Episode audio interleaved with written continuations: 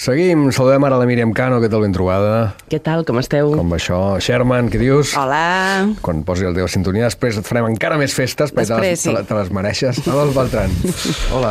Seguim i, i ara amb una... sí, M'agrada molt saludar molts cops a la gent perquè, perquè és signe d'educació, perquè s'està perdent, s'estan perdent les formes i no, les hem de recuperar, eh, Rosa? Uh, no, deia, deia que fa Entenc que això no és cap indirecte cap no, a la no, Rosa, no? no? No, no, no, no, no, la Rosa, perquè... La, Eh, Rosa, que no saludes? És la persona a qui miro més frontalment sempre. Ella em mira a mi i jo, no? I tenim aquí una mena de, de diàleg sempre invisible que de tant en tant fem visible. Però sigui com sigui, el que dic és que la Míriam porta una novel·la que fa setmanes que vaig veient eh, recomanada a, a arreu, i això sempre és bona notícia si la gent que la recomana són de confiança, com és el seu cas, per descomptat. Per tant, celebro molt que la portis. Sí, t'he de dir que m'ha fascinat, m'ha fascinat. Uh, a mi és veritat que vaig venuda perquè m'agrada molt que m'expliquin històries, m'agrada molt que els escriptors també s'interroguin sobre com les històries ens sostenen en, en els mals temps. I en aquest cas, una història és una pedra llançada al riu, de la Mònica Batet, ens situa molt vagament, ho podem intuir, a la Romania de Ceausescu, Um, però en cap moment se'ns diu explícitament, uh, se'ns parla d'un règim autoritari, se'ns parla d'una gent que viu sota aquest règim autoritari, però tot se'ns explica com una faula. Uh, I a mi uh, em resulta fascinant uh, com s'expliquen tot, totes aquestes històries terribles uh, de la humanitat en aquest format de mm. gairebé, no? de, De rondalla, de, rondalla, sí, sí. de conte infantil. No? I cada capítol, de fet, comença amb una rondalla preciosa, que no ho faig mai, però us en llegiré uh, quatre fragments, i ja t'atrapa, ja et té. No? I, I és un llibre que això, no? que reivindica uh, aquest refugi, el refugi de les, de les històries, i a més a més te'n fa partícip, a banda que, que la, la prosa de la, de la Mònica Batet, eh, en aquest cas, és, eh, és brillant. És, és una cosa que eh, quan el vaig agafar vaig dir, a veure què és això? Perquè no, la sinopsi del darrere dic, no sé exactament eh, què em trobaré. I em vaig trobar un lloc eh, on em vaig capbussar i vaig anar tirant, tirant, tirant. I curiosament, eh, el, el to eh, és estrany, és boirós, és dens, eh, en, en, no? és un paisatge eh, difícil de, de navegar i alhora és dolcíssim. No sé com s'ho fa.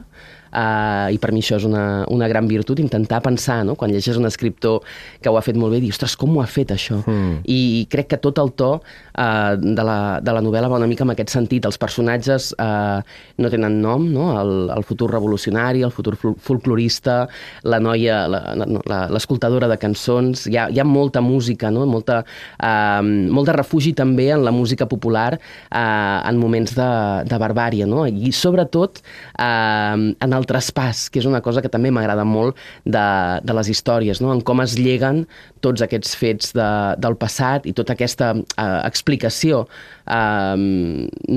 menys terrible de, del que va ser, sense, sense obviar, uh, com dèiem, no? la, la barbària. Em sembla que la Mònica Batet ha fet una feina uh, excepcional amb una història, és una pedra uh, llançada al riu i us la recomano uh, fervorosament. Uh, I em penedeixo de no haver-la llegit abans, perquè fa uns dies uh, que la tinc. Perquè... No, no, això no, penediment No. no. necessari, perquè els llibres duren molt, no, no, no, no entreu en aquesta No, raó. No, castig, castiga't, Míriam. Fes el favor de Per castigar-te, no? perquè aquí realment has estat regular. Regular. Uh, us Realment el, llegeixo- el títol ja evoca tot un... Sí. No, és que només el títol ja és una experiència. És aquesta imatge no, tan bonica de, de tots sabem el que passa i com s'eixampla l'aigua Sí. quan, quan llances una pedra al riu, no? I Sí, en sí, sí, cercles sí. concèntrics.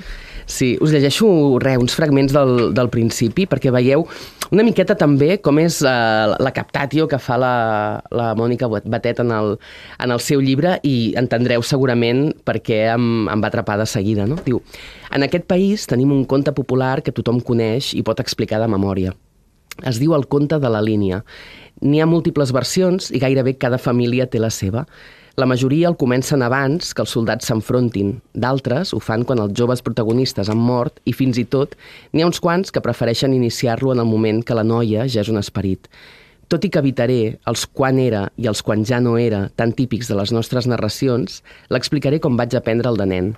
En aquest conte hi ha un rei poderós, una noia jove, un soldat també jove, una guerra qualificada d'interminable i una línia que sempre m'he imaginat blanca i molt ampla. Aquesta línia és la manera que els governants del regne escullen per separar els dos territoris enfrontats. Diàriament, centenars de soldats s'hi col·loquen darrere. Hi ha dues fileres, dos bàndols d'homes. Alguns es miren amb l'esperança d'un desafiament. S'avorreixen d'haver de mantenir la mateixa posició durant totes aquelles hores perquè tenen la certesa que la guerra de veritat és la que succeeix més enllà d'aquella línia.